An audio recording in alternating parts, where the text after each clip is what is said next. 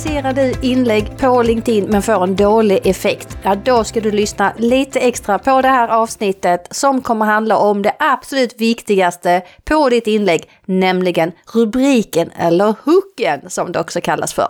Välkommen till ännu ett avsnitt med mig, Linda Björk och LinkedIn-podden som vanligt ger dig konkreta tips på hur du kan lyckas på LinkedIn. Men det är ju så att för att du ska få en effekt på dina inlägg på LinkedIn så måste du fånga läsaren.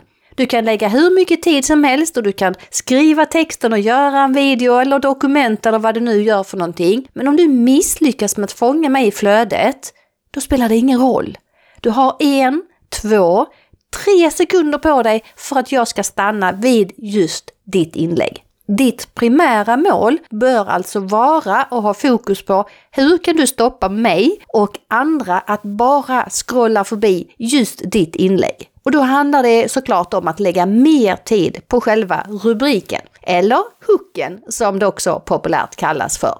Det finns ju ett antal personer, amerikanska eller engelsktalande, som har postat om det här på LinkedIn. Och de här tipsen som jag kommer ge dig här, det kommer ifrån ett dokument av Nigel Thomas jag kommer att lägga en länk till det inlägget direkt så kan du gå in och kika ytterligare. Men här har jag översatt de här exemplen som han delar med sig av. Och häng med här och jag kommer också skriva ner de här på linkedinpodden.se så kan du gå in och läsa dem efteråt. Men det här med rubriken då? Jo, det är ju den som fångar mig och det är ju det som är det viktigaste. Du vill att jag ska stanna vid ditt inlägg och klicka på den här läs mer-knappen. Här kommer några exempel.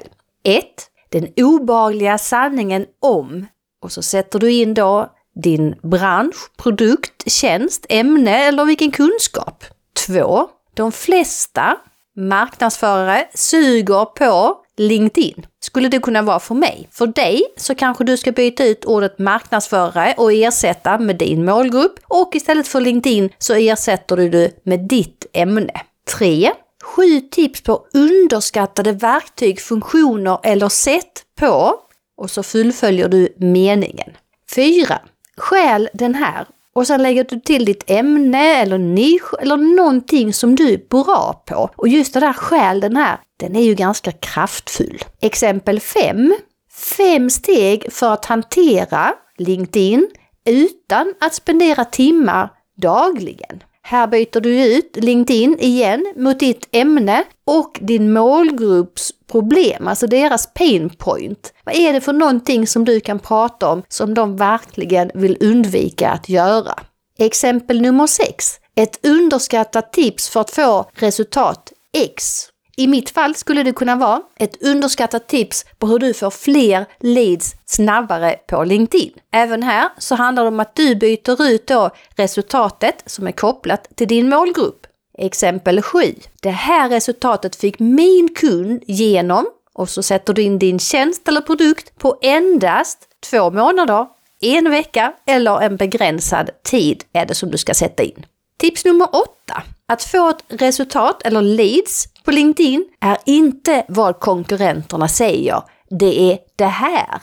Den är ju lite utmanande, men varför inte testa den? Exempel 9. Förra veckan pratade jag med min och så skriver du in din målgrupp eller titel på dem du vill nå. Exempel 10. Se hit marknadsförare! Och då byter du också ut ordet marknadsförare mot din målgrupp. Och det tycker jag är jättebra, för direkt så känner jag ju mig träffad när jag ser det här inlägget. Tips nummer 11. Det här är hur jag får resultat X på Y tid.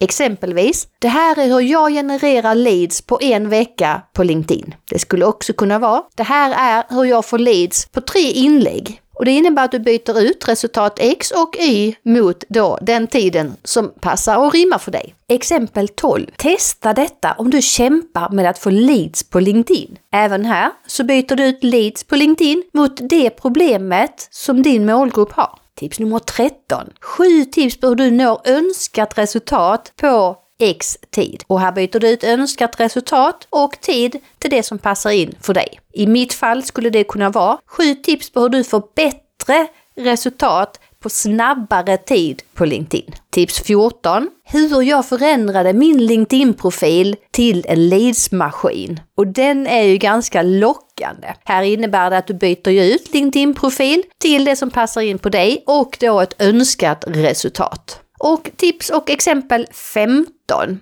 Tre anledningar till varför ditt resultat uteblir. Och sen så kan du lägga till ditt ämne eller så stannar du där.